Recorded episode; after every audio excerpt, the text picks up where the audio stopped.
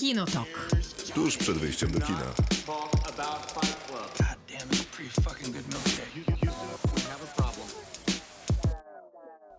Krzysztof Majewski. Maciej Stosierski. Kawałek czasu mnie tu nie było, czy wszystko jest... Ale ja zawsze tu jestem. Tak, ty jesteś tu zawsze.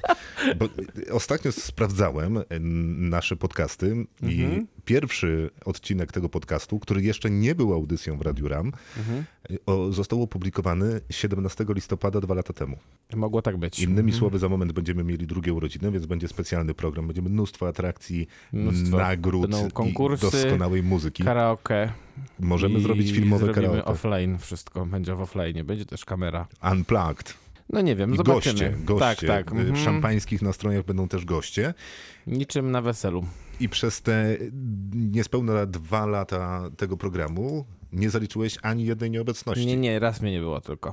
Chyba raz mnie A, nie było, bo, bo miałem, bo byłem na kwarantannie z COVID-u. I to jest wymówka. No to jest słaba wymówka, dlatego zadzwoniliście do mnie wtedy, więc można powiedzieć, że byłem trochę. Pamiętam. Hmm? Najgorzej nagrany odcinek w historii Dokładnie. podcastu, Tak który nazywa jest. się A propos Kinotok i ta audycja również.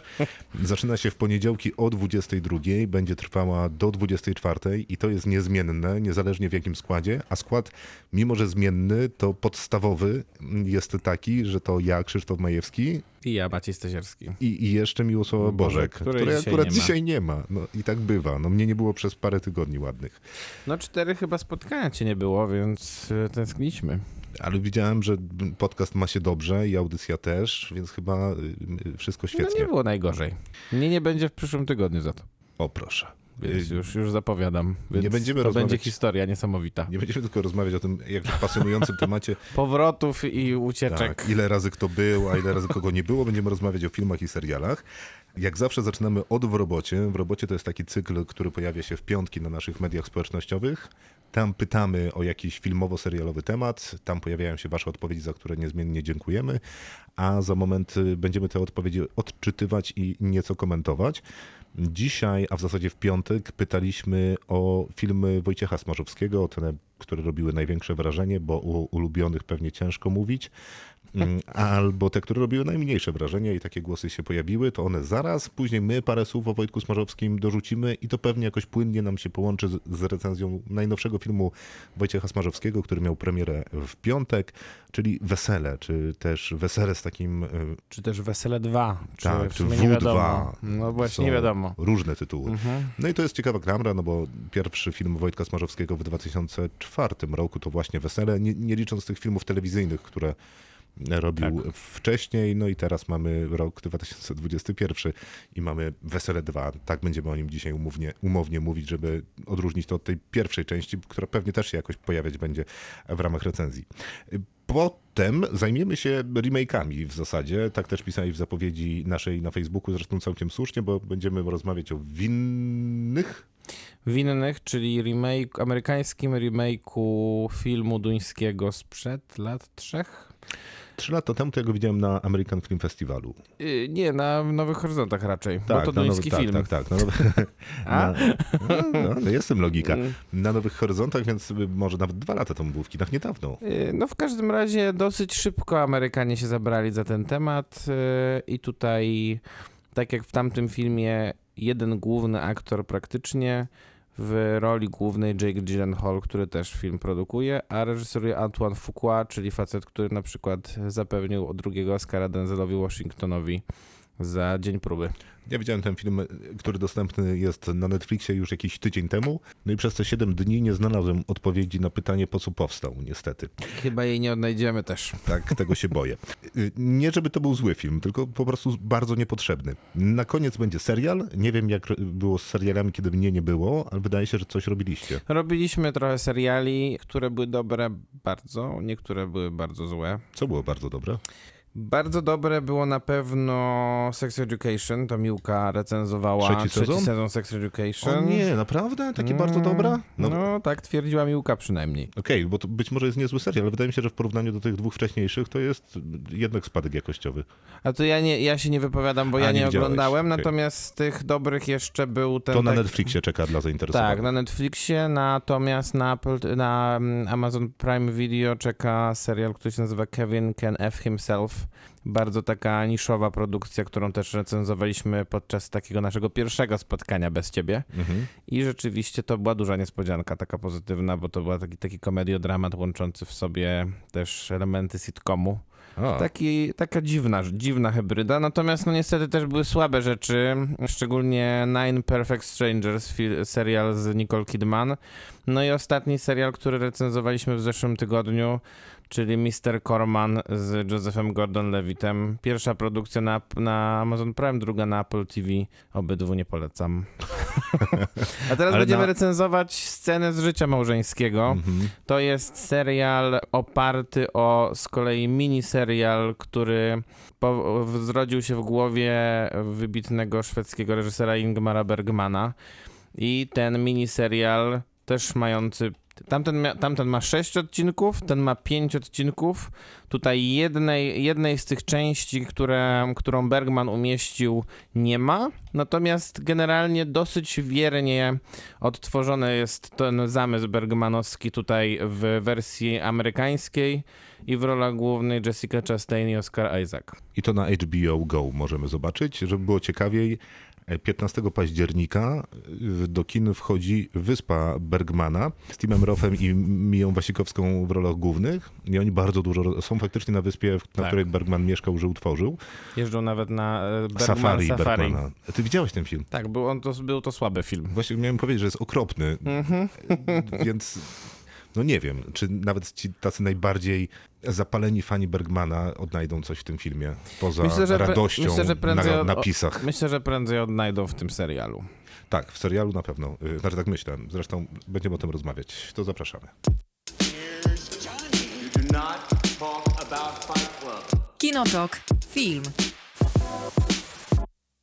Przypominam w robocie, czyli nasz cykl, w którym pytamy o jakieś y, motywy filmowo-serialowe.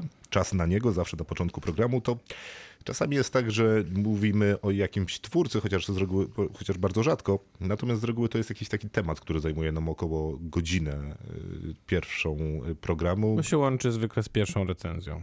Zawsze się prawie łączy Tak, z pierwszą mhm. recenzją, a też czasami te tematy są szerokie i naprawdę jest o czym pogadać. Dzisiaj pewnie będzie trochę krócej, bo też Wojciech Smarzowski to reżyser, który zrobił no mało filmów, y, pewnie relatywnie mało, y, ale to nie jest jakaś bardzo Osiem. bogata film. Tak, nie jest to Mhm. jakaś bardzo bogata filmografia. Nie jest to Woody Allen, który nie wiem ile w tym momencie ma na swoim koncie 60. Zresztą nie wiem, czy wymienianie imienia i nazwiska tego reżysera współcześnie Jeszcze to dobry jest, pomysł. Tak, tak. Mhm. Czy to Celowe. Wypada, czy to wypada, czy nie, żeby sprawdzić wyroki rozprawy. Może kiedy indziej. Tomasz y, napisał na naszym Facebooku, Przyzna, ten Facebook to Kino Talk Podcast, gdyby ktoś szukał. Przyznam się bez bicia, że nigdy nie oglądałem żadnego filmu Smarzowskiego, bo jakoś nie mam ochoty dokładać sobie do depresji, którą mam po codziennej próbie zorientowania się, co się dzieje w Polsce i na świecie. Masochizm filmowy mnie nie przekonuje. I co powiesz na takie podejście? No, no jest jakieś podejście. Ja jednak oglądałem, ale rozumiem, że można, że jeżeli ktoś uważa kino za tylko i wyłącznie rozrywkę, to, to lepiej, żeby po Smarzowskiego nie sięgał. To prawda, jeżeli ma być to odstresowujące, to jednak bym wybrał jakie, jakąś sieć kin, w której dają bardzo duży Tak, popcorn, najlepiej tak. w bardzo dobrej cenie Mhm. i tam można spędzić miło czas. Fajne było, jakby jeszcze te siedzenia były takie wygodniejsze, na przykład można było się tak wyłożyć. To są takie kina, które Mm, mają te, tak. takie VIP Też sale. słyszałem o tym. No widzisz, przy okazji masz ode mnie zaproszenie, które Tak, tak. przekazałem ci na urodziny, więc możesz je wykorzystać. Wojciech, jako lider wśród fanów zostałem wyciągnięty do tablicy. To jest lider wśród fanów na Facebooku, więc gratulujemy i cieszymy się, że jesteś z nami. Moim wyborem jest drogówka, którą bardzo trafnie która bardzo trafnie pokazała przekrój osobowości w policji, jak i ich w niektórych przypadkach aż za bardzo oddzielanie pracy, a raczej tego, co podczas niej robią, od życia prywatnego. Co by nie mówić, do filmów Smarzowskiego nie siada się po niedzielnym obiadku, tylko jednak trzeba się do nich psychicznie przygotować. No, jakbym miał odnosić się do samej drogówki, to ona generalnie ląduje zawsze nisko u mnie w rankingu, jeśli chodzi o Wojciecha Smarzowskiego. U mnie też. Ja mam takie wrażenie, co do drogówki, że być może to jest jeden z bardziej nieudanych filmów Wojciecha Smarzowskiego. Tak, i to był A- też chyba ten pierwszy film Wojciecha Smarzowskiego, taki, który rozpoczął taki troszeczkę spadek formy chyba u niego, tak mi się wydaje. Znaczy, nie wiem, czy to jest spadek formy, bo mnie się wydaje, że Wojciech Smarzowski generalnie reprezentuje tę samą formę cały czas, tylko że ma bardzo powtarzalny koncept filmowy. I być może w drogówce było to takie bardzo wyraziste i niczym nie schowane. I mnie ta jednowymiarowość drogówki akurat bolała trochę. Znaczy w drogówce to Bo wiadomo, że- Wojciech Smarzowski chciał spróbować czegoś innego jeszcze, bo, bo poza tym, że pokazał ten taki, no można było powiedzieć, e, najgorszy obraz policji w tej pierwszej godzinie filmu, to w drugiej chyba sobie przypomniał, że chce być jakimś reżyserem kina gatunkowego i chce robić jakiś taki thriller. I się okazało, że reżyserem kina gatunkowego to on nie jest za grosz. I, I chyba dlatego Drogówka jednak nie jest takim udanym filmem. Oczywiście szanujemy głos słuchacza. Tak, tak, oczywiście. Iwo, podejrzewam, że to Iwona, e, ale tak, tak się na Facebooku podpisała. Smarzowski to ten reżyser, którego filmów po prostu boję się oglądać. Tylko na drogówkę wybrałam się do kina. Róże i Wołyń oglądałam na platformie streamingowej. Ten drugi w większości na wyciszeniu i z przewijaniem. Nie dałam rady inaczej. Do kleru ze względu na przytłaczający ładunek emocji, jakie one we mnie wywołują i smutek, jaki pozostaje po seansie. W kontekście filmów Smarzowskiego ciężko mi użyć słowa ulubiony przez to, co te filmy ze mną robią, ale niech będzie, że najważniejszym dla mnie osobiście jest Róża za tematykę i sposób, w jaki opowiedziano tę historię. No to taki podobny głos do tego pierwszego, w sensie tam akurat żaden film nie obejrzany, tutaj w takich specjalnych, hermetycznie bezpiecznych warunkach. Ja nie wiem. Znaczy, nie będę przecież nikomu wchodził w głowę i nie będę mu mówił, że ale to przecież nie tak źle poradzisz sobie, bo są gorsze filmy. Jest In, bardziej intensywne w sensie. w tym sensie. No i jest Lars von Trier, jest y, no, on, jest Sergiej Łyźnica, no, pewnie można by wymyślić paru intensywnych, jest Tak. Gaspar Noé. Nie, niezłe porównanie. No wiesz co, no tak pod względem intensywności Twój, tylko. Tak, twój ulubiony reżyser z kolei. Który? Siergiej Łoznica. Niekoniecznie. A twój? Nie, też nie. Nie, to jest ciężka przeprawa raczej. Nie, raczej nie. Mhm. Natomiast to, to jest ciekawe, bo, bo z jednej strony ja trochę chodzę do kina po to, żeby było intensywne. Żeby bolało. Znaczy nie, nie zawsze musi boleć, ale Mhm. niech będzie intensywne. Wiesz, czasami to może być dobre emocje. Wiesz, tamte dni, tamte No to noce. E, no są intensywne, ale to raczej inaczej zupełnie. inaczej. Nie? To, No myślę, że myślę, że w Polsce są jednak tacy reżyserzy, którzy też tak tną trochę jak brzytwą, bo poza, bo poza Wojciechem Smarzowskim przecież, przecież, no nie wiem, mm, jak się spojrzy na tematykę chociażby filmów Małgorzaty Szumowskiej, to można, to można odnieść jakieś takie paralele. E, Czy nawet na tematykę, no tutaj nie, chcę, nie, nie zawsze chcę używać tego nazwiska, no ale na, nawet na tematykę filmów Patryka Wegi, to można byłoby, to można byłoby odnieść wrażenie, że intensywność pod względem przynajmniej tematyki no to jest podobna u Smarzowskiego i u Wegi. Tylko, że, tylko, że różni, ich, e, różni ich jakby jakość wykonania i, mm, i, i sam, sam, same umiejętności filmowe po prostu. Mm. Wiesz co, to w sumie jest chyba całkiem możliwe. Zresztą wydaje mi się, że może ze trzy lata temu, może ze cztery, ukuł się w Polsce taki termin jak smażowszczyzna. I, I to się rozciąga na więcej twórców, reżyserów niż tylko Wojciech Smarzowski, bo nawet w tych głosach, y, które nie są na naszym Facebooku, bo pytałem też na moim prywatnym Instagramie, to w ogóle mój debiut, bardzo ciekawe narzędzie.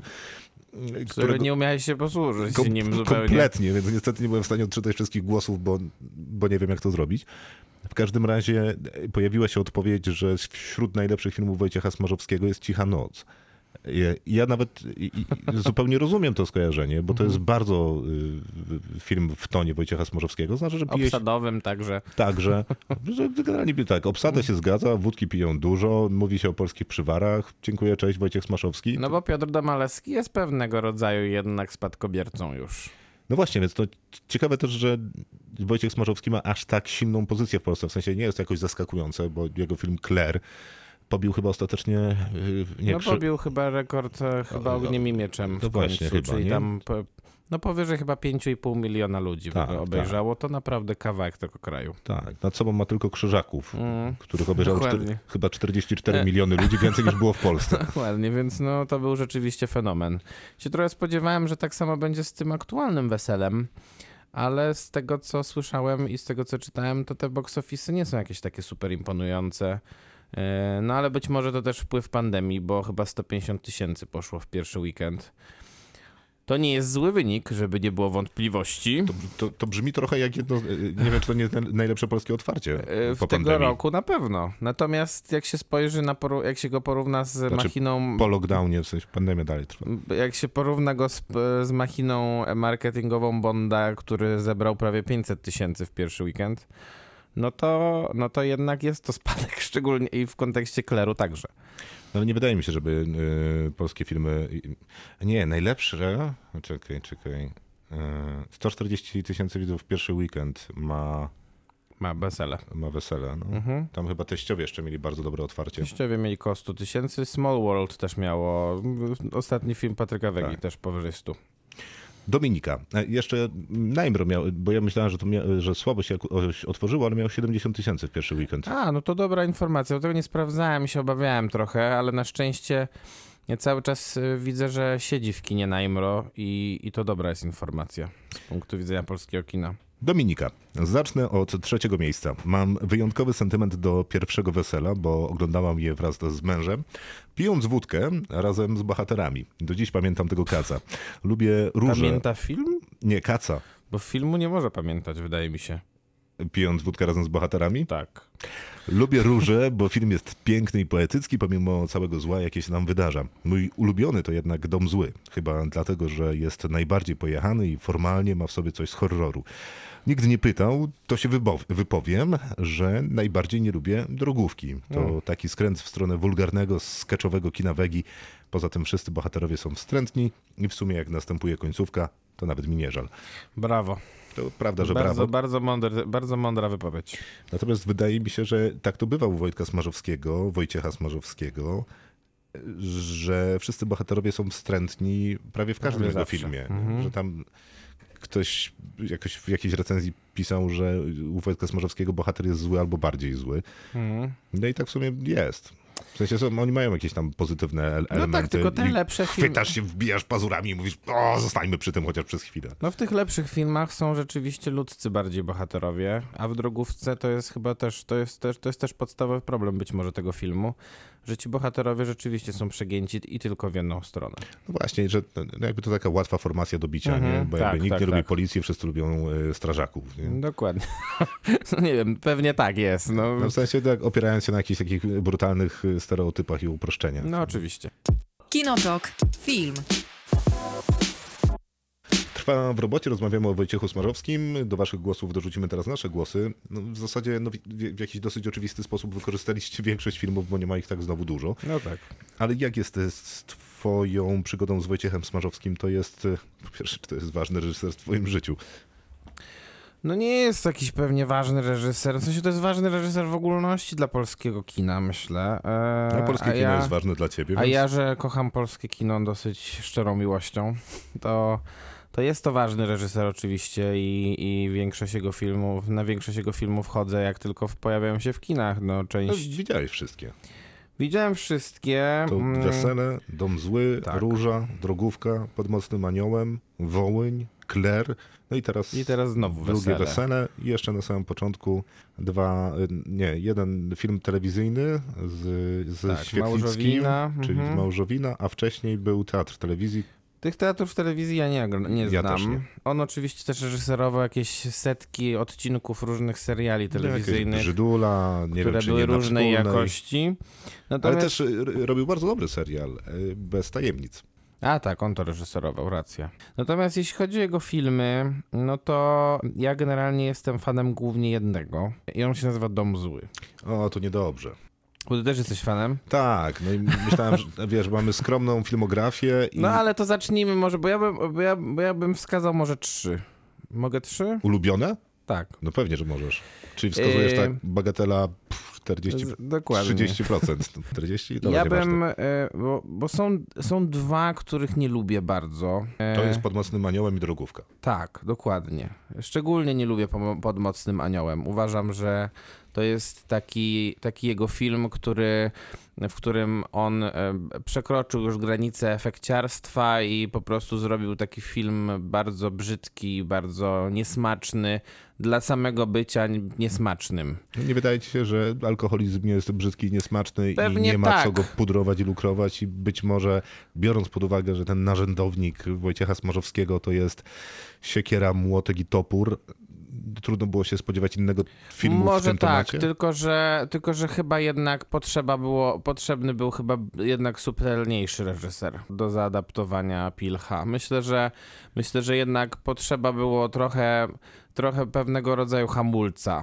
No ale to nazwisko Jerzy Pilch i jego książka trochę jest taka jak ten film. To też tam wiele subtelności nie ma. Wiadomo, że literatura jest bardziej subtelna niż film, bo tam jest więcej przestrzeni na niuanse. Mimo wszystko. Yy, Więc ja wiem, czy to jest zła adaptacja. Nie wiem, czy jest zła adaptacja, natomiast film jest nieudany. Dlatego, że. Adaptacja świetna, film może, fatalny. To się może zdarzyć, no bo jeżeli, jeżeli ktoś nawet czuje klimat e, książki, którą adaptuje, to nie znaczy, że jest w stanie zrobić dobry film, no bo ten film po prostu jest, e, jest dla mnie już e, przekroczeniem granicy. I e, e, Tej, jakby, tej, tego efekciarstwa. tego efekciarstwa dla samego efekciarstwa. Nie gniótł ten film jednak. Ale tak e, prawdziwie? W sensie takie emocjonalnie? W sensie być może to efekciarstwo na mnie działało. No bo generalnie wiesz, nie można odebrać nigdy Wojciechowi Smarzowskiemu tego, że on nawet jak robi film subtelny i teoretycznie o jakimś takim skromnym temacie, no to on jednak potrafi robić spektakl. Filmowy spektakl, taki naprawdę z prawdziwego zdarzenia. No właśnie, bo ty nazywasz to efekciarstwem, a mnie akurat w wypadku pod Mocnym Aniołem wydawało się, że to jest y, bardzo sprawna inscenizacja scen, y, którą w ogóle mam wrażenie, że niewielu twórców posiada, y, również tak w skali świata. Zgadzam się. A Wojciech Smarzowski. No y, ma na ten pe- talent na, niesamowity. Na pewno ma. Być może jednowymiarowy, no, bo nie widzieliśmy go w innych odsłonach niż te takie brutalne, dosadne, Wszystkie jego filmy są takie. przejaskrawione. Ale no nie wiem, no ten tru... wolałbym, żeby twórca, który robi film o alkoholizmie, niespecjalnie uciekał od jakby rdzenia tego alkoholizmu, no, że tam nie ma nic radosnego. No tak, tylko też nie ma oddechu. Być może w alkoholizmie też nie ma żadnego oddechu. Yy, I tutaj mogę się z tym zgodzić. Natomiast jakbym, jak sobie przypomnę chociażby film, który oglądałem w tym roku w Gdyni, który się nazywa Powrót do Legolandu Konrada Aksinowicza z Maciejem Szturem w roli głównej, no to ja jednak wolę taką wizję, pokazywa- taki sposób pokazywania alkoholizmu, który jest bardzo brutalny i bardzo taki mm, nie pozostawiający mm, żadnych wątpliwości e, nie, nie pozostawiający też jeńców, a z drugiej strony jednak, jednak zupełnie w innym sposób pokazujący ten alkoholizm, w taki, e, taki prawdziwie emocjonalny. Tutaj przez to, że, ten, że, te, że te efekty były tak bardzo jednoznaczne i tak bardzo, że tak powiem, w twarz pokazane, to dla mnie ten film jest wyzuty jednak z emocji i nawet nie jest w stanie tego uratować Robert Więckiewicz, który jest idealnie obsadzony w tej roli. Mm, I to samo jest z drogówką, która. Chciałem jeszcze powiedzieć dwa słowa o filmie Zabawa, Zabawa Kingi Tak. Dębskiej, ale wtedy zrobi nam się w robocie o alkoholizmie. Tak, a- więc, nie róbmy tego. Mhm. Więc to są te dwa filmy, których ja, które ja nie za bardzo lubię. Natomiast te inne filmy tak, tak ciężko mi się odróżnia od siebie, jeśli chodzi o. Nie no, czekaj, ale miałeś bo- teraz wybrać te trzy, które lubisz najbardziej. Więc ustalę, więc u, ułożę je w ten sposób. Mm, na trzecim miejscu postawiłbym Różę, Mhm. mm, która jest filmem, z którym miałem problem, szczególnie po premierze, bo był, bo był on dla mnie. Z... Ja, ja, ja, ja z kolei dziwnie nabrałem dystansu do tego filmu, ale potem jednak on mi się jakoś przegryzł. Mm, Na drugim miejscu postawiłbym Wesele, pierwsze, które było bardzo świeże, bardzo świeżym jednak pokazem, em, prezentacją tych umiejętności, samych czysto filmowych umiejętności Wojciecha Smarzowskiego, a przy okazji no, mm, pewnego rodzaju przypomnieniem, że są na przykład tacy aktorzy jak Marian Dziędziel, e, gdzieś tam poukrywani w polskim kinie. który zagrał chyba we wszystkich filmach y, Wojciecha Smarzowskiego. E, no, No, może- poza może nie. aktualnym chyba. Nie, nie, w sumie to chyba, to było, chyba było mniej tych filmów. To Arkadiusz Jakubik zagrał we wszystkich tak. poza Różą. Tak, chociaż nie wiem, czy nie zagrał jakiejś trzecioplanowej roli też. W Róży? Wiesz co, na polskiej Wikipedii odkryłem, że jest takie zestawienie aktorów i są y, Aha, jest pozaznaczone, ten gdzie kto grał. tak? Tak, tak, tak. Więc Arkadiusz Jakubik prowadzi w tej konkurencji. No i tak jak powiedziałem, no Dom Zły jednak na tym pierwszym miejscu. Dom Zły jest, wydaje mi się, takim najbardziej spełnionym filmem Wojciecha Smarzowskiego. E, I to nawet mimo to, że rozpada się na te dwa wątki, które, które są prowadzone w taki sposób równolegle, ale jednocześnie pod zupełnie innych klimatach są prowadzone te wątki, bo z jednej strony jest ta straszliwa brutalność tego, tej takiej konfrontacji pomiędzy postaciami Jakubika, Dziędziela i Kingi Price, a z drugiej strony jest to całkiem sprawnie jednak pokazane i z dobrym, z dobrym uchwyceniem realiów tamtych czasów śledztwo prokuratorskie, które tam dzięki temu, dzięki temu też trochę odkrywamy na przykład Bartłomieja Topę jako aktora. Bo to, też jest, bo to też jest pewnego rodzaju jednak umiejętność Smarzowskiego, że on wyciągał tych aktorów i, i, i dawał, im, dawał im takie role do grania, które, po, które dawały im możliwość pokazania naprawdę pełni, pełni swego kunsztu. No bo Bartłomiej Topa do momentu, kiedy nie zagrał w Domu Złym, no to był kojarzony z serialem Złotopolscy. No to prawda, a później zrobił piękną karierę, a poza tym to Tak. świetny aktor jest, więc y, to oko Wojciecha Smarzowskiego do aktorów to jest na pewno jego wielka zasługa, no bo przecież Arkadiusza Jakubika Też też mi się wydaje, że pokazał narodowi. Tak, no dokładnie. Marian Dziędziel to już mówiłeś, a to kolejny przykład. Kingi Price raczej nie trzeba było nikomu pokazywać. Już wtedy na pewno nie, ale Tak. Ale z tym domem złym to jakby 100% racji, że zacznę od y, początku twojej listy. Ja w ogóle jak y, poszedłem na ten film, to jeszcze nie za bardzo chyba wiedziałem, z czym się je Woj, Wojciecha Smarzowskiego, bo Wesele obejrzałem na pewno po domu złym. ja tak samo. Y, I jak zobaczyłem ten film, to, to, to ja byłem w szoku. Y, To był, który to był rok? 2006? Szósty, szósty Jakoś chyba, tak. czy siódmy? Mhm. To ja też byłem gdzieś na początku tej y, przygody z kinem, jakoś tak bardziej A, na, dziewiąty. no, no, to, no to też, no to byłem kawałek dalej niż na początku drogi z kinem na poważnie. E, Jakby wystrzeliło mnie z butów, nawet nie za bardzo miałem takie jakieś kompetencje nazywania tego filmu. Stwierdziłem, no, no, to jest w zasadzie horror, nie? To, to No, horror. Właściwie można byłoby to tak powiedzieć. Tylko, że ten jakby, jak obejrzałem go drugi raz, no to okazało się, że w zasadzie no, ten gatunek jest tu nieistotny, a później, kiedy o nim myślałem już, nie wiem, nabierając trochę, nie wiem, może wrażliwości, albo nie wiem, kompetencji, albo obejrzałem trochę więcej filmów, no to jednak ta umiejętność opowiedzenia Polski z perspektywy jednej bardzo ciasnej chatki yy, i to w taki bardzo smarzowski sposób, nie? Bo no, to przecież to jest bardzo mocny i bardzo brutalny film w, Bardzo. w, swoim, w swojej opowieści, ale też świetnie Nie inscenizowany. najbardziej brutalny jego film, ale na pewno bardzo brutalny. Tak, tak, tak, tak, tak. Ale to jest drugi film jednak, nie? Więc on ten styl pewnie jeszcze wykuwał. Natomiast pamiętam, że oglądałem chyba dodatki na DVD, które się pojawiły i tam był taki aktor, ja nie wiem kogo on grał w tym filmie, ale bardzo mnie bawiła jego wypowiedź, był bardzo uśmiechnięty i bardzo radosny i on mówił, że jest bardzo szczęśliwy, że ma tutaj rolę epizodyczną, czyli jest takim statystą, który ma jakieś kwestie mówione, ponieważ był na prawie, studiował i go wywalili, więc stwierdził, że pójdzie na filmówkę. I się dostał na jedną, ale go wywalili i teraz jest na drugiej i też go chcą wywalić. Więc liczy, że jak zagra w takim dużym filmie, to się opamiętają. Okej. Co? Ja- Ciekawe, czy się opamiętali. Nie, muszę sprawdzić, kto to jest, bo wiesz, może to, nie wiem, był jakiś duży aktor. No. A, no widzisz, no właśnie, może teraz gra w komediach romantycznych wszystkich. O, na przykład. I teraz słucha i mówi, a To byłem ja. to byłem ja. Teraz mam super samochód i y, jakiś wielki apartament w Warszawie. Y, Więc dom zły to jest w ogóle jakaś osobna kategoria y, dla mnie. Y, Na, na pewno to drugie miejsce. To mo, nie, no to na drugim miejscu to ja bym jednak usytuował ten Kler. Aha, jednak. Jednak, no. Mi się bardzo podoba ta opowieść, którą mu się udało tam e, skleić na te trzy czy cztery postaci. I jednak umiejętność krytyki instytucji i zauważania problemu, który widzą wszyscy i pokazywanie go na dużej, dużym ekranie, a jednocześnie taka postawa reżysera, który ma świadomość posiadania widowni i chęci zajęcia stanowiska w jakimś temacie, e, no to jest coś, co artyści powinni robić, bo chociażby dlatego, że otwierają debatę publiczną, chociażby dlatego, że możemy podyskutować, wydaje mi się, w całkiem kul- kulturalnych jednak e, warunkach. Pewnie nie w internecie, bo w internecie Tam nigdy nie ma się... kulturalnego warunku. Nie, nie ma, nigdy. O niczym, na żaden temat. Możemy rozmawiać o kolorze jabłek i... Też, też się pokłócimy. Tak, oczywiście, jak ktoś wspomni, że jednak Hitler.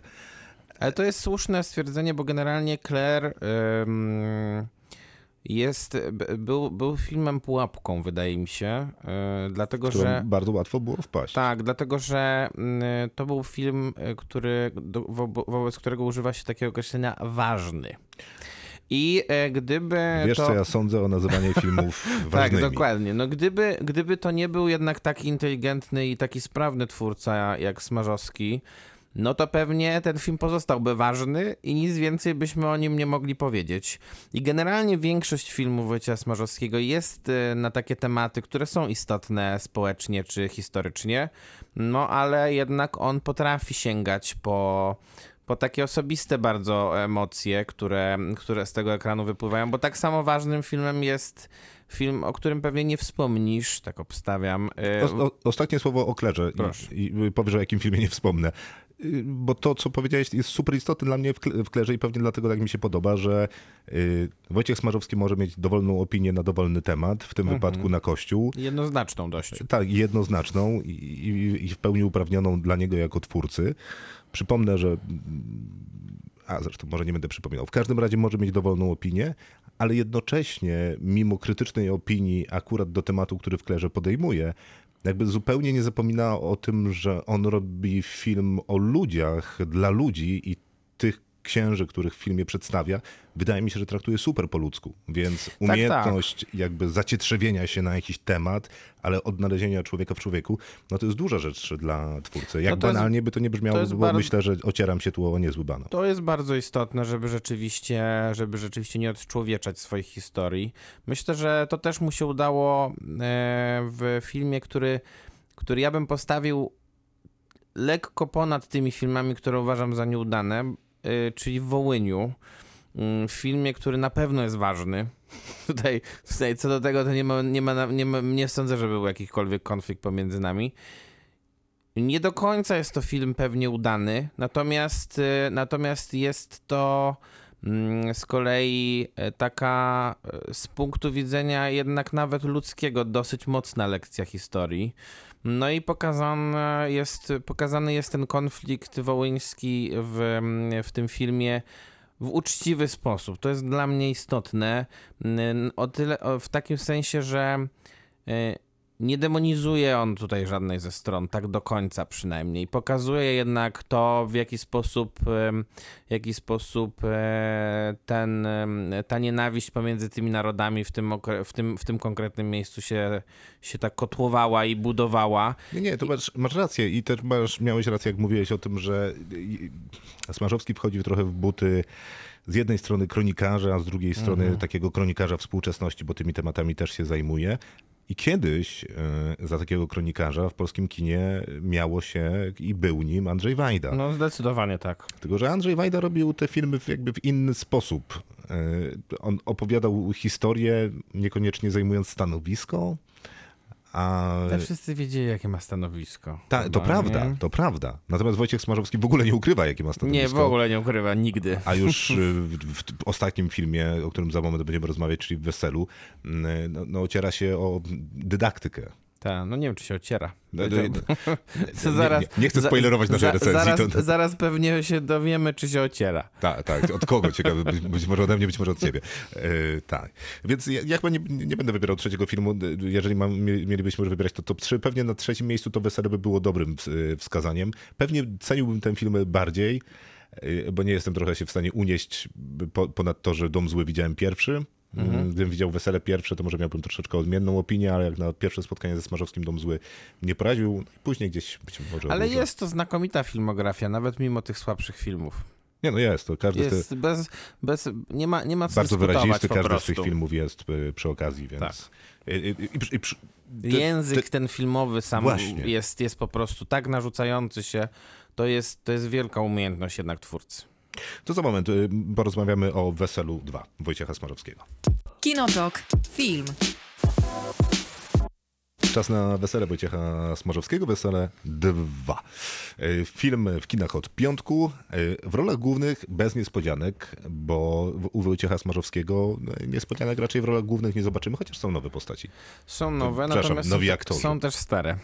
Y, Ze starych Robert Więckiewicz, Agata Kulesza, I to dwie główne role. Michalina Łabacz, która, którą Smarzowski właśnie zaprezentował już wspomnianym przez nas wcześniej Wołyniu.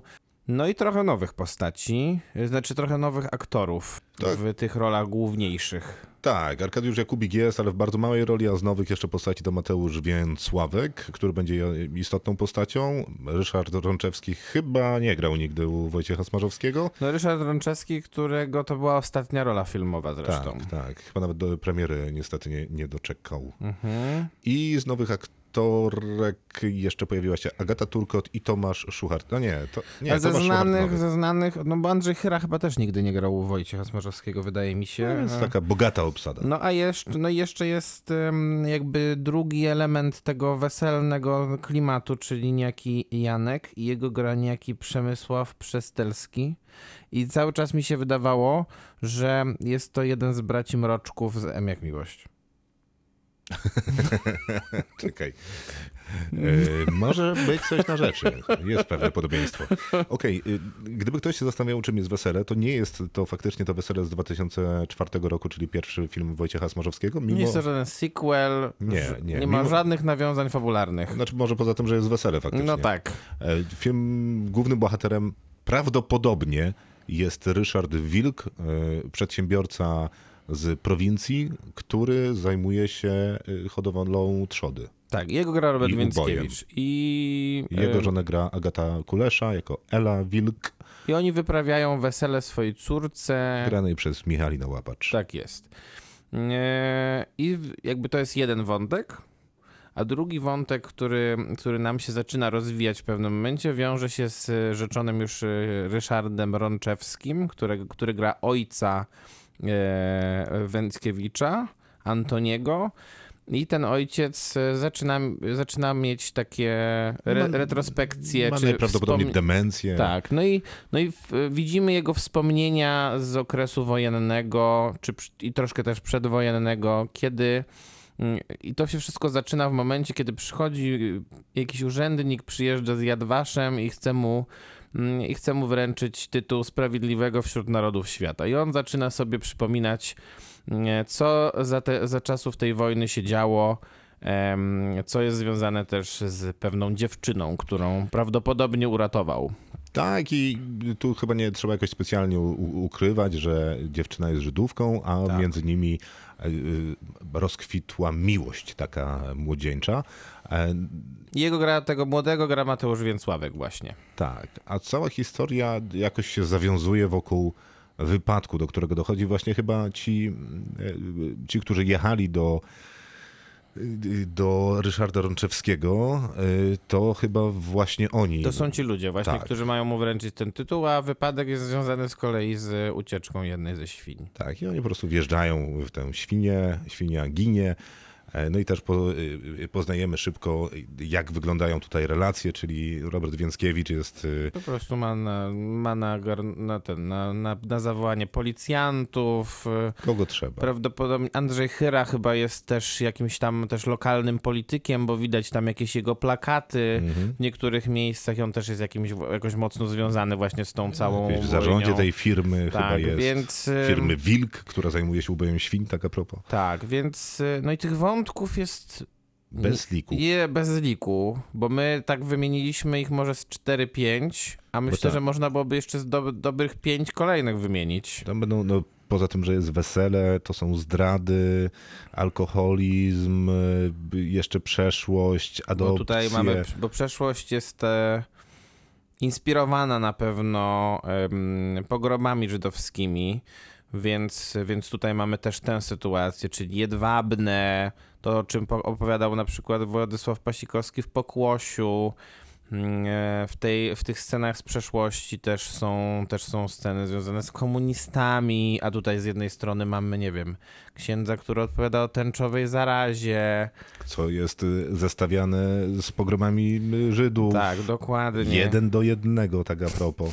No, scena jest niesamowita rzeczywiście. I nie w tym pozytywnym tego słowa znaczeniu. Znaczy to jest fatalna scena, y, bo wydaje mi się, że to, co mówiliśmy przed, przed chwilą na antenie, czyli rozmawialiśmy o tym, jak, jak posługiwał się językiem filmowym Wojciech Smarzowski przy okazji Kleru, e, jakby stawiając jasną tezę na temat instytucji, odnajdując gdzieś tam człowieka, to mam problem z tym Weselem 2 przede wszystkim taki, że moim zdaniem w ogóle nie ma człowieka w tym filmie. Nie ma.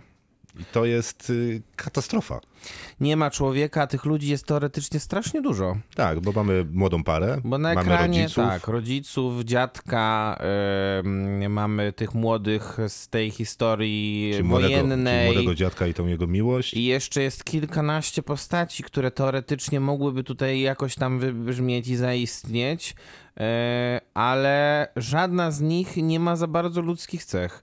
Tutaj nie ma postaci, jest za to strasznie dużo chaosu mm, i to jest, to jest to, to, totalne zaskoczenie związane jest z tym, że e, te wszystkie pozytywy, które mówiliśmy, że, że Wojciech Smarzowski, nie wiem, ma swój własny język filmowy, ale na przykład e, potrafi go przynajmniej w większości przypadków mocno skontrolować na, dla celów choćby e, jakiejś takiej konsekwentnej narracji. No to tutaj tu się wszystko rozpada nagle. Mm, i, i ten temat przejmuje kontrolę nad nim, a właściwie kilkanaście tematów, e, o które, chce, o które chce Wojciech Smarzowski zahaczyć, bo generalnie on oczywiście, jak w większości swoich filmów, chce opowiadać o Polakach i polskości. tak, to i takiej i tą w Pols- najgorszym wydaniu. tak, i z tą polskością em, łączy oczywiście antysemityzm, homofobię, rasizm, szowinizm. Wszystko, wszystkie izmy, które można sobie wybrać, to on łączy z polskością i to ma się wszystko pokazać na tym jednym weselu i jeszcze na tych kilku scenach retrospektywnych. Co zestawia właśnie z tymi scenami retrospektywnymi, które generalnie opowiadają o żydowskich pogromach i o ewentualnym ratowaniu y, y, Żydów przed zagładą.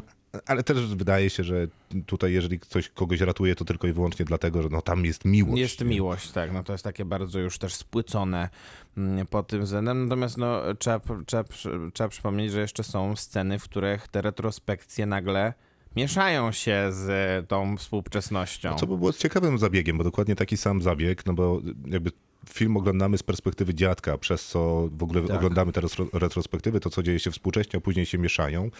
No to byłoby dosyć ciekawe, bo podobny zabieg przecież ym, oglądaliśmy w Oscarowym filmie y, z Antonym Hopkinsem, y, który go tytuł The Father. The Father, dokładnie, Mhm. ojciec, gdzie mu się właśnie mieszały trochę Rzeczywistość z jego wizjami. tak, czasy, momenty, tak. role, które odgrywają poszczególne osoby. Więc wydaje mi się, że sam zabieg, pomysł na ten zabieg mieszania rzeczywistości jest w porządku. Tylko tam to Tylko był problem- Oscarowy montaż niemalże, a tutaj. Jest to, trochę siekierą ten montaż No dokładnie. Przy okazji, być może ten film ma dobre zdjęcia, tylko problem polega na tym, że są normalne zdjęcia, powiedzmy z takiej głównej kamery, są zdjęcia z takiej kamery, która jest na weselu i ktoś Która- mówi do niej tak, kamery, tak. składa życzenia. Są takie zdjęcia z telefonu komórkowego. No i są te zdjęcia i w są tych takie- scenach retrospektywnych, które są, Tak. można nazwać takimi właśnie, tak jak, tak jak robił w Wołyniu na przykład Piotr Sobociński. To są takie Bo to on też odpowiada za Tak, zdjęcia przy weselu 2. Dokładnie.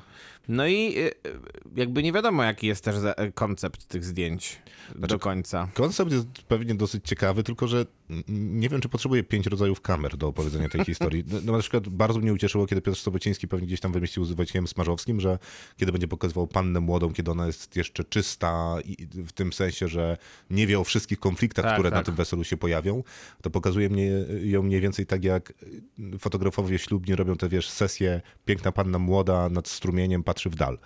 I wydaje mi się, że to jest całkiem fajny zabieg i on się akurat dobrze miksował z tymi pozostałymi kamerami. Podoba mi się też ta kamera na weselu, kiedy tam ci pijani ludzie e, mówią, że tam kochani, męskie miłości, coś tam. Tylko, Ale że... tam, też już jest, ale tam też już są wprowadzone te zabiegi, które nie są potrzebne, bo jeżeli, bo jeżeli z jednej strony mówią właśnie ci ludzie jakieś tam życzenia, a z drugiej strony pojawiają się ci Żydzi, którzy są pomordowani 80 lat wcześniej, to to już tak, to, to już nawet emocjonalnie tak nie jest naj, naj, najsprawniejsze i takie, i takie, i takie już pokazuje, mm, pokazuje to, że ten, że ten efekt ma być e, rażący, a przez to, że taki ma być, to taki nie jest, bo, mm, bo dla mnie największym problemem tego filmu jest to, że on miał wywołać pewnie jakiś katarzis, którego ja w ogóle nie poczułem. A nie, ja też nie. Ja mam nawet chyba większy problem, bo wydaje mi się, że Wojtek, Wojciech Smarzowski, tak jak mówiliśmy wcześniej, wszedł trochę w, takie dydaktyczne buty i chciał wstrząsnąć narodem, bo tam naprawdę są mocne sceny e, związane chociażby z tym ubojem świń, e, które są gazowane, patroszone, traktowane w jakiś najgorszy, nieludzki sposób. Zresztą to jest w ogóle osobny wątek filmu, bo tam jeszcze jest wątek szantażu, żeby było ciekawiej. Tak. Y, Więc jeszcze, że jest germanofobia też przy okazji, z te, wynikająca z tego, z tego samego wątku związanego z tą, z tą jego działalnością gospodarczą. No tak, ale to, to porównanie jest. y, No bo, no bo ta meta- metafora i ta linia podziału jest taka Tak. banalna, nie? że kiedyś Niemcy przyjechali i zniszczyli nasz kraj, a teraz Niemcy przyjeżdżają i niszczą nas, kra- nasz kraj swoim kapitałem. Gospodarczą, tak. Tak, Mhm. Kiedyś y, y, nienawidziliśmy Żydów, Też dzisiaj. nienawidzimy gejów. Tak, dokładnie, więc to wszystko jest. I, mm, I wszystkich innych. Jakoś e, bardzo brakuje subtelności. I ja mam wrażenie, że ten brak subtelności i ta próba wstrząśnięcia narodem. Nie jestem przekonany, czy kogokolwiek ma obudzić. Ja nie wiem, je- em- Jedyne, co można zrobić, to jakby wykopać głębiej ten rów podziału pomiędzy podzieloną Polską. Ja nie wiem, znaczy jeżeli cel był taki, żeby, żeby pokazać, jacy są Polacy, to on nie jest, to, to, to, to się nie udało. Jeżeli był cel taki, żeby pokazać na przykład coś, co próbował zrobić w Wołyniu i to mu się udało, czyli pokazać w jaki sposób na przykład dokonywano mordów na, mordów na Żydach w trakcie II wojny światowej, no to to się udało w takim samym stopniu, jak na przykład Andrzejowi Wajdzie w Katyniu. To znaczy, że no jest scena rzeczywiście, w której widzimy ten mm, jeden pewnie z wielu takich mordów, które, które można byłoby określić szeroko pojętym jedwabnem, ale e, poza, tym, poza tą jedną sceną, która może można, można by powiedzieć, że jest względnie udana, Em, No nic nie doprowadza nas do tego, więc dostajemy taką 5-minutową lekcję historii o tym, w jaki sposób tych Żydów e, zaprowadzono do tej stodoły i w jaki sposób ich spalono. Tak samo jak w jaki sposób ci, mm, e, ci Sowieci e, wy, e, zaprowadzili tych, tych oficerów i strzelili im w tył głowy w Katyniu w ostatniej scenie, która jest tak dołożona na siłę w filmie. No dla mnie, i to nie jest niestety dobre porównanie, bo Katyń Andrzeja Wajdy nie jest też udanym filmem. No i i mamy tutaj, mamy tutaj tak dużo, tak bardzo nie, nieprzystających do siebie elementów i też nieprzystających do całej tej filmografii Wojciecha Smarzowskiego, która nawet przy tych mniej udanych filmach zostawiała ten taki mocniejszy rys i kopała cię tak po brzuchu. A tutaj mam wrażenie, że te kopniaki to można łatwo jednak się nie przed nimi obronić i tak jak powiedziałeś, no je, ta linia podziału pozostaje taka sama jak była przed filmem. Tak, dokładnie tak jest. Wydaje mi się też, że mimo wszystko, mimo tego, że metafora i porównanie jest przede wszystkim moim zdaniem nietrafiona, ale to już y, kwestia reżysera, jaką on ma wizję współczesnego świata czy współczesnej Polski.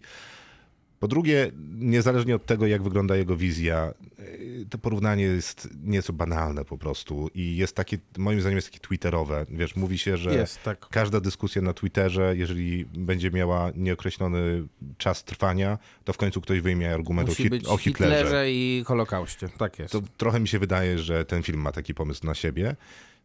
Czy będziesz rozmawiał o pandemii, Chyba, gejach, czy nieważne. o czym wszystkim? Nieważne. Tak. Mhm. Zdaje się, że jest tam co najmniej kilka bardzo dobrych scen, Na 100% jest.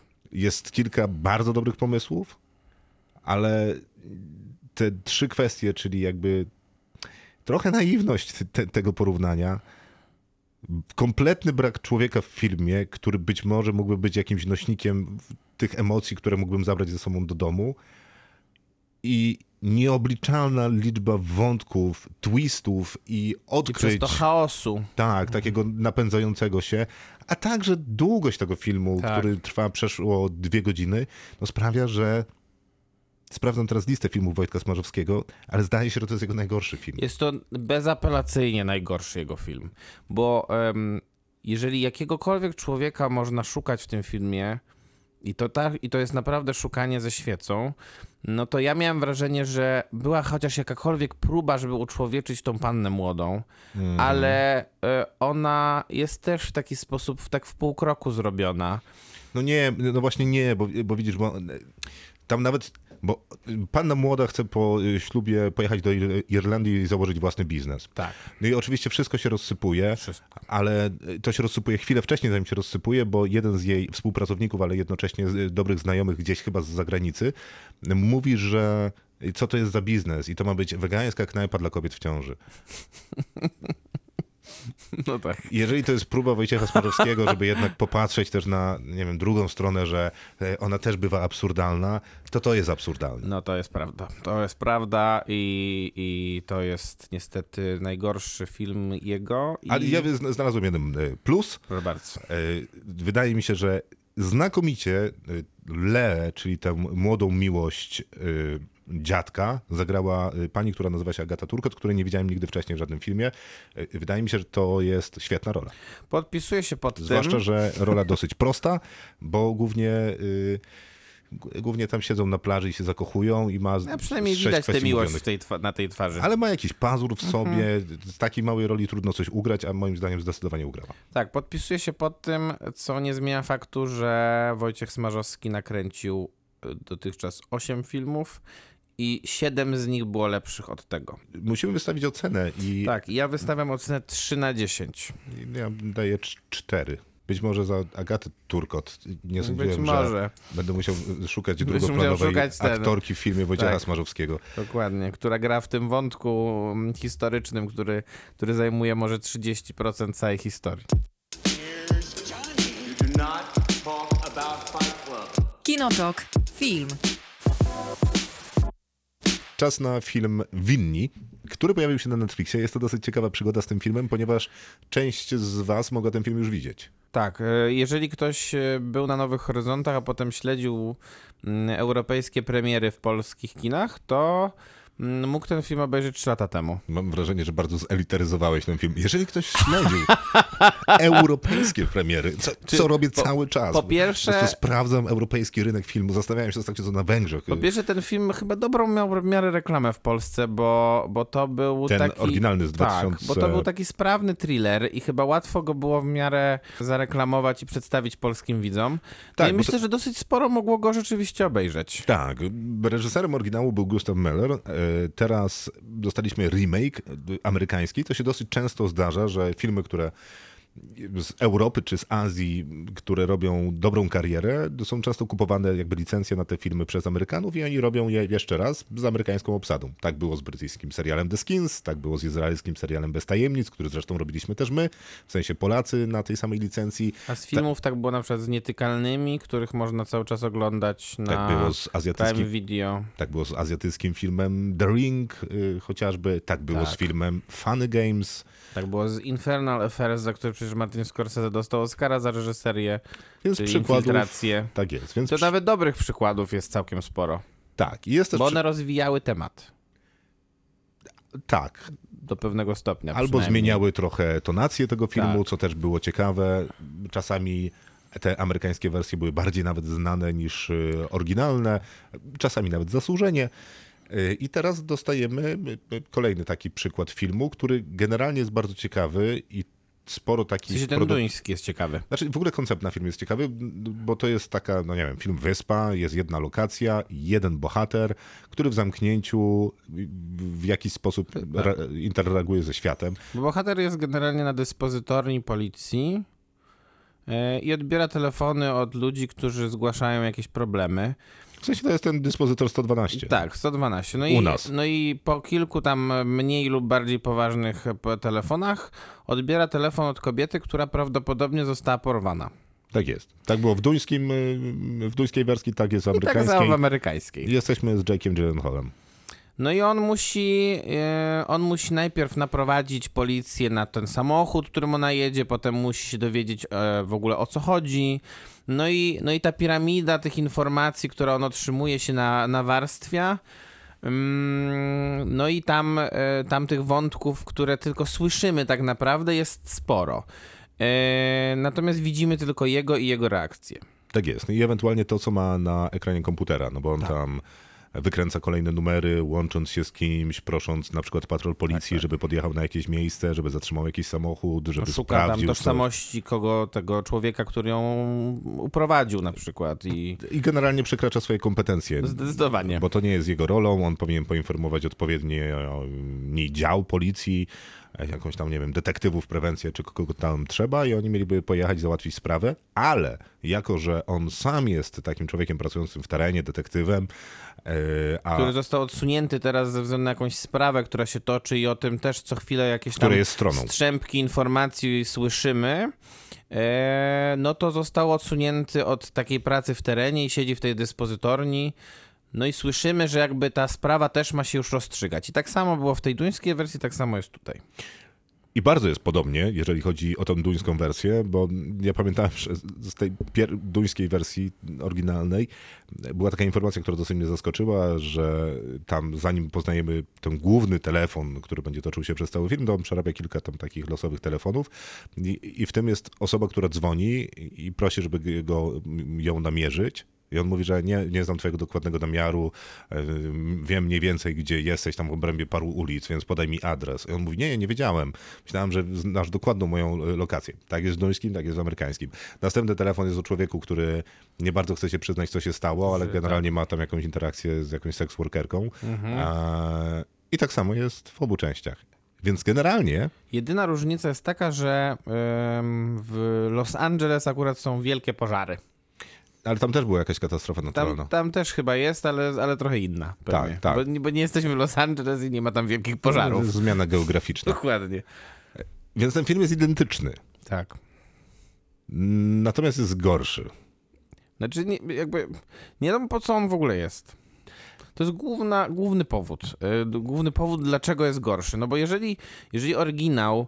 Ja w oryginałowi e, pamiętam, że chyba wystawiłem ocenę e, bodajże 8 na 10. Tak, bo to jest dobry film. Bo to jest naprawdę sprawny film, który. Podobnie pomyślany jak Lok na przykład Tak, z Tomem dokładnie. Który, który ogląda się, który, który, którym emocje wynikają z tego, co widzimy na ekranie. Widzimy tylko twarz głównego aktora praktycznie przez cały czas.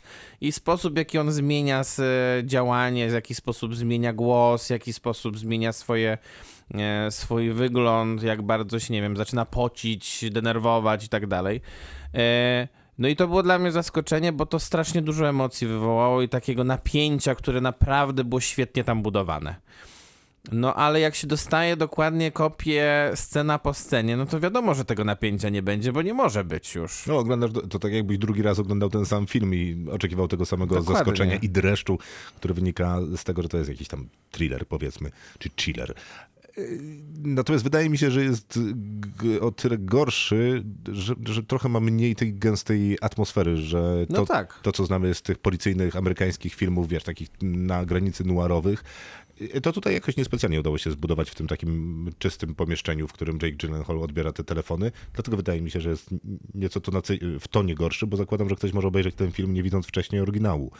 Więc polecałbym obejrzeć jednak oryginał, bo jest lepszy. Zdecydowanie, zdecydowanie. No, a może to też wynika z tego, że jednak e, kino skandynawskie w ogólności jest takie bardziej... bardziej y, nie, powiedziałbym bardziej takie w, wyzute z, z jakichś takich ozdobników. A może. E, A tutaj, a tutaj mamy, mamy sporo tych ozdobników, bo muszą, bo muszą Ja być jakieś wiem, takie ja wiem. interakcje bez sensu. Ja wiem. Tutaj gdzieś ta muzyka narasta, której też tam nie było za bardzo w tej duńskiej wersji. Ja wiem, ale tak czy inaczej, ja patrzę, patrzę na tego Jake'a Gyllenhaala. Ja szczerze mówiąc czekam, aż on wsiądzie do samochodu i zrobi 20-minutowy pościg po autostradzie za tym człowiekiem, którego szuka. No nie mogę tego wyrzucić z głowy. To jest amerykański aktor akcji. Tak. No, jak można go było posadzić No na coś, fotelu? coś w tym jest. I on zupełnie nie zrzuca z siebie tego kostiumu superbohatera. No, No nie zrzuca, Znaczy, kurde, jest jest, w napakowanym facetem, który siedzi po prostu przy tym i, i, i próbuje rozmawiać i wcale, i w ogóle i on, on nawet samym swoją, sa, sam, całym sobą pokazuje, że chce wyskoczyć z tego fotela. Tak, I on ma taki jakiś. On ma jakiś, jakiś syndrom zbawcy świata. Yy, natomiast ten y, aktor, którego niestety nazwiska nie pamiętam, który wcielał się w oryginale w tę samą postać, on był jakby przede wszystkim ten balans frustracji tą sprawą, która nad nim wisi, w której on wie, że jest winny, To ale. był Jakob Sedergren. Tak. yy, Nominowany zresztą za swoją rolę do Europejskiej Nagrody Filmowej. Słusznie. E, Ta sprawa, która nad nim wisi, e, ta sądowa, przez którą został zdegradowany, to widać ten jego konflikt, że jakby tą sprawą, załatwie, pom- pomocą tej kobiecie, która, która zadzwoniła, jakby chce trochę odpokutować. Mhm. Tego zupełnie nie ma w tej amerykańskiej wersji. W sensie ja tego nie, Nie, czuję. nie ma, nie ma. Rzeczywiście ta, ten, ten, ten, ten element tej, tej dodatkowej e, sprawy sądowej, która pewnie jest jakąś tam sprawą wynikającą, nie wiem, z jakiegoś wydziału wewnętrznego. No jest tam jest jakieś, powiedziane, co to jest, jest za powiedziane, sprawa. co to jest no. za sprawa, no nie będziemy tego akurat mówić. Przekroczenie uprawnień. E, tak, no to ona e, nie ma żadnego impaktu na, na jego działanie, bo on po prostu dostaje, w, w pewnym momencie jakby tej historii dostajemy informację, że, znaczy on, jest informacja taka, że coś takiego się dzieje, to jest tam, nie wiem, trzy minuty rozmowy z jakimś tam, z jego partnerem, czy z kolegą, czy z kimś tam i zapominamy nagle o tym. I Tak. znowu, i znowu dzwonimy, i znowu rozmawiamy. Twist jest dokładnie ten sam, który jest w pierwszej części, który jest, może w pierwszej części, który jest w, części. duńskiej, w duńskiej wersji, więc e, nie ma żadnego zaskoczenia, które było bardzo duże jednak, wydaje mi się. Pamiętaj jednak, że ktoś może oglądać ten film bez, o- No bez oczywiście. znajomości oryginału. Tylko, że e, lepiej tego nie robić po prostu. Też mam takie wrażenie, to jest po prostu gorszy film. Pewnie niewiele gorszy, bo jest jednak tym samym filmem, ale jednak udało się go zrobić gorzej. Więc oryginał Tak. nazywa się Winni, Gustav Möller go reżyserował. Zaraz sprawdzę, czy jest dostępny gdzieś na VOD, pewnie jest. E, A ten film nazywa się Winni, jest do zobaczenia na Netflixie. Teraz jest problem z oceną, bo ja nie pamiętam ile dałem winnym oryginalnym, ale podejrzewam, że 8 na 10 byłoby dobrą liczbą. Natomiast tutaj bym dał 6 na 10, yy, a pewnie dałbym mniej, gdyby, gdyby trzeba było zestawiać ten film jeszcze z tym. No bo on nie wprowadził nic nowego, udało mu się zrobić go, gorzej za to, tą samą Ja daję historię. 5 na 10 i myślę, że em, ten film, a nie wiem, a nie, nie tak na koniec, nie uważasz, że to jest jednak jakiś taki ego projekt też? Czy- Czyli Jake'a Gyllenhaala? Tak. Taki, po- Taki- podejście pod Oscary? Pod Oscary, bo, bo e, wziął sobie sprawdzoną rolę, bo rzeczywiście wziął rolę, która, która daje możliwości em, No tak, on sam e, na aktorskich umiejętności, pokazania swoich umiejętności aktorskich. E, Ta rola, tak jak powiedziałem, no przyniosła temu aktorowi nominację do, do nagrody już e, europejskiej, co prawda. No więc, e, no więc to było takie łatwe chyba podejście pod Oscary, no i, no i tylko, że film się tak nie udał niestety dobrze. To prawda. No, W sensie masz rację. Ja zawsze podejrzewam aktorów o to, że jeżeli... Że lubią swoje odbicie w lustrze. Tak, jeżeli, a jeżeli produkują swój film, w którym są półtorej godziny na ekranie, no to już w ogóle na pewno. E, Natomiast mam dobrą informację, ponieważ e, film oryginalny Winni jest do zobaczenia na raz, dwa, trzy, cztery, pięć, sześć, siedem, na ośmiu platformach. No to myślę, że warto najpierw jego poszukać i nie. y, Tutaj, tutaj użyję, użyję sloganu, który był na plakacie jednego z dwóch filmów o Dywizjonie 303. Nie pomyl filmu. Kinotok. Serial. To nie film, na koniec mamy serial, ale powiedzmy, że to krótki serial, bardzo krótki, bo zaledwie pięcioodcinkowy, czyli miniserial. 5 godzin w sumie, bo film. każdy prawie praktycznie odcinek po 60 minut. Ja tam widziałem dłuższy film. Tak? Niż pięć godzin? Mhm. No, A jakie? widziałem Lawadiada, aż siedmiogodzinnego. A, no ja widziałem szatańskie tango też, więc też był dłuższy. No, więc zaliczone.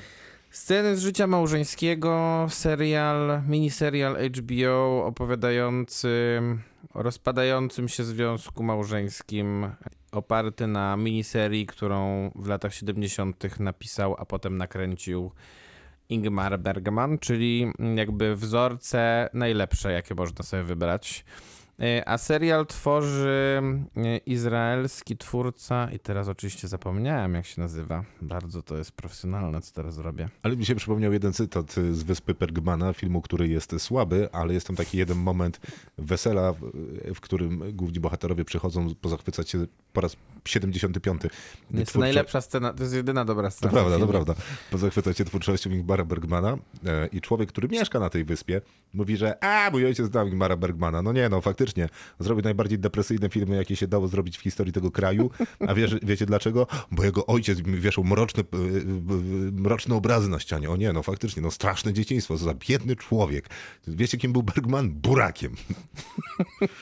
Tak, jeszcze tam użył przekleństwa, którego nie możesz teraz użyć. Tak właśnie było. Facet się nazywa Hagai Levi i mm, jest twórcą e, też takiego serialu, który, który przynajmniej przez pierwsze sezony był dosyć chyba wysoko notowany, który się nazywa DFR. Mhm. E, a teraz e, i to też, bardzo podobny temat. też właśnie o rozpadającym się, o rozpadającym się związku. I tutaj mamy dwójkę, film, serial, który przez większość odcinków jest rozpisany po prostu na taki teatr pomiędzy dwiema osobami, które, które rozmawiają na bardzo różne tematy, Znaczy, na bardzo różnym poziomie intensywności. Tak, ale generalnie chodzi o rozpad związku. No, y, y, grają Oscar Isaac i Jessica Chastain i tam dochodzi do zdrady, o której rozmawiają i starają się Tak. poskładać ten związek na Znaczy nowo, tego się dowiadujemy dopiero w drugim odcinku, albo dowiemy się, czy rozpadnie, bo, czy się rozpadnie. bo tam jest trochę tematów... e, Tu jest jeszcze jedna rzecz, y, Mhm. szybko, tak a propos tego mm, inscenizacji, że twórca podjął bardzo odważną decyzję, decyzję, której ja osobiście nie cierpię, kiedy jest podejmowana w jakichkolwiek produkcjach, Mhm. czyli pokazuje nam to, co się dzieje za kamerą, inną kamerą, czyli pokazuje nam plan filmowy. I na ten plan filmowy przyjeżdża Jessica Chastain, przyjeżdża Oscar Isaac, oni się tam ubierają, mają make-up, jest to produkcja. trwa na szczęście krótko. Tak, po minucie. Tylko, że to jest, y, to jest o tyle problematyczne, że trzeba mieć naprawdę kawał historii, wagi kowadła, do którego podłączony jest safe, żeby zachować pod takim wstępie y, poziom, odpowiedni poziom imersji, czyli wejścia w, tej, w, tej, w tę historię. No i tak się składa, że akurat Tak w wypadku tego serialu tak jest. Tak, bo to jest znakomity serial.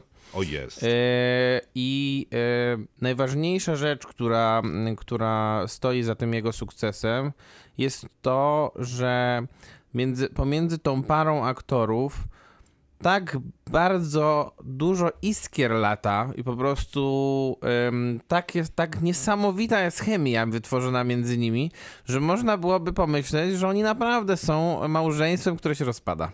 Tak, no, najmocniejsza scena tego serialu, chociaż pewnie można sobie tam układać ranking najmocniejszych sce- scen, tak emocjonalnie. Serialu, który w ogóle dzieje się w jednym domu, ich domu, w którym mieszkali długo i pewnie planowali jeszcze długo żyć. Oni mają jeszcze dziecko, młodą dziewczynkę, która generalnie jest argumentem, bo tam pojawia się w scenach rzadko. Na dwóch aktorów, którzy patrzą sobie w oczy i rozmawiają, czasami piją wino, palą papierosa i się o to oskarżają. Oni O- o- seks uprawiają Tak. też. serial, odcinek trwa 60 minut, więc jest długaśny. Nic się tam nie dzieje. No nic No poza poza, poza tą rozmową.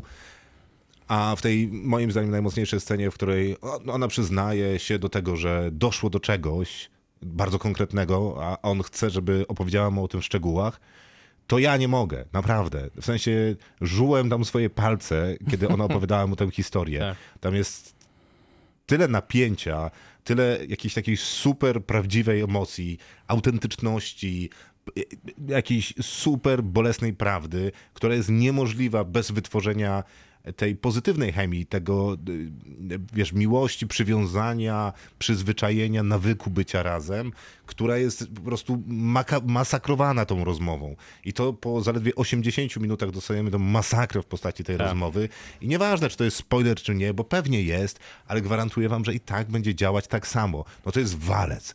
Ja oglądałem to sam, bez swojej partnerki i nie wiem, czy bym dał radę z nią to obejrzeć. No pewnie tak, pewnie nie, myślę. Pewnie nie. Ale no, to nie jest jedyna scena w tym filmie, Nie, w tym nie, nie serialu. jest. Bo, bo, można, bo można takich scen wymienić kilka. Chociażby scena, w której mm, bohaterka informuje swojego męża, że jest w ciąży. No, no, no. I następuje kolei, z kolei 15-minutowa rozmowa na temat tego, czy to dziecko trzeba urodzić, czy nie. Hmm. Mm, Albo na przykład scena, w której e, główna bohaterka przez 30 minut nie jest w stanie podpisać, e, podpisać papierów rozwodowych i zaczyna się debata, dlaczego tak się dzieje i co w ogóle, dlaczego i dlaczego ten związek, który tak, którego tak naprawdę nie ma, nie, nie jest w stanie być rozwiązany w sposób formalny. Super ciekawie skonstruowany też e, scenariusz, bo Oscar Isaac jest, i to są istotne informacje, e, Fil- profesorem filozofii.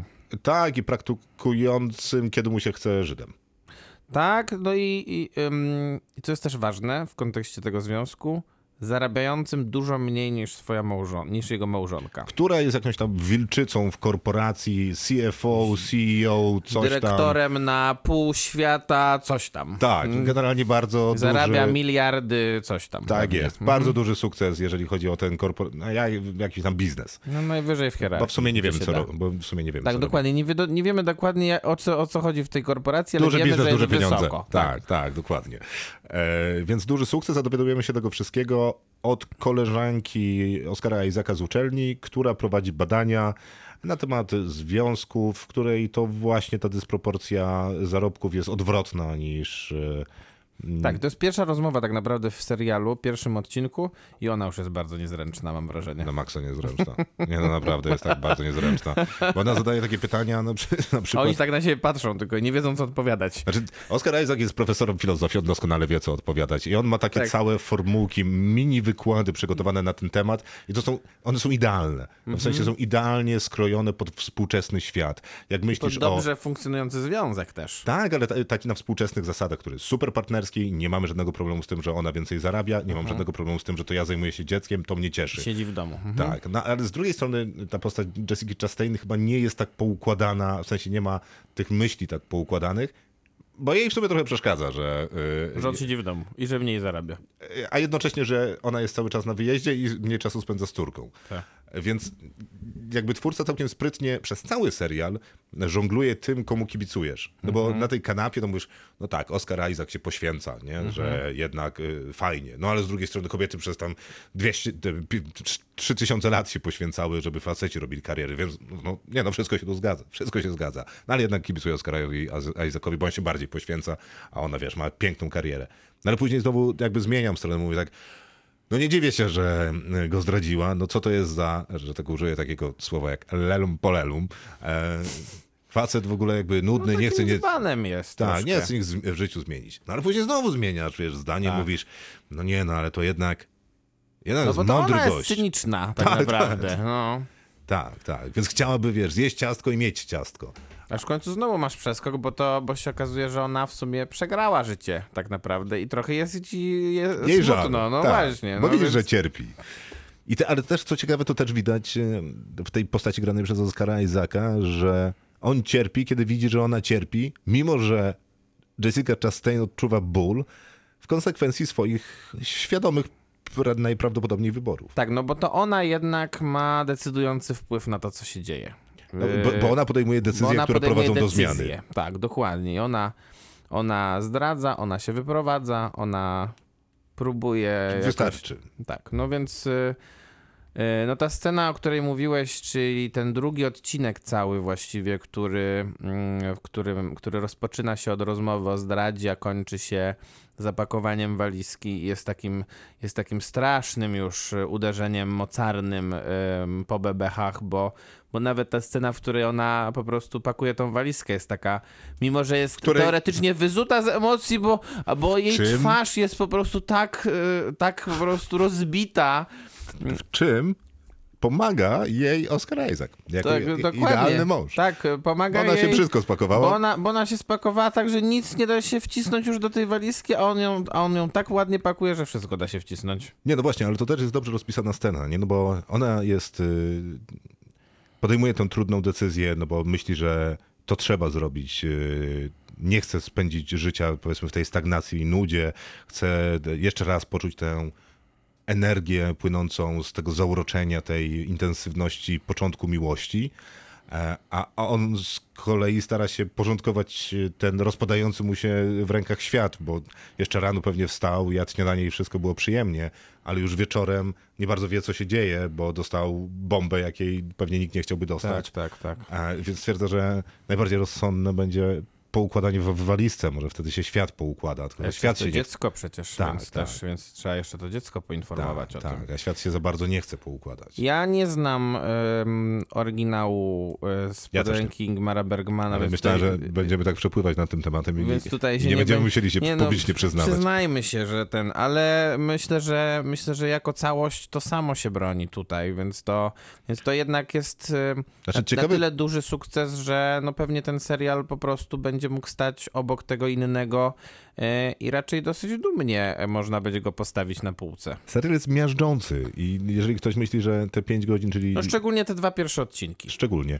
czyli te 5 razy po 60 minut to jest jakoś za długo na dwójkę aktorów w zamkniętym pomieszczeniu, to się myli, bo nie jest. E, Być może ta dawka emocjonalna jest trochę za duża, ale to tu szanuje HBO, znaczy nie wiem, czy szanuje akurat za to, że wypuszczają HBO seriale, nie bierze jeńców. seriale co tydzień. E, Tak, nie bierze jeńców, jeńców, ale dobrze to jest co tydzień, bo na Tak, przykład tak. zbingowanie, czyli obejrzenie pięciu odcinków pod rząd, mogło być katastrofalne. Nie, nie, to wtedy to jednak ten. A co do Bergmana, to też jest w ogóle ciekawy pomysł na to, żeby jakby robić remake, czy taki refresh tego serialu współcześnie.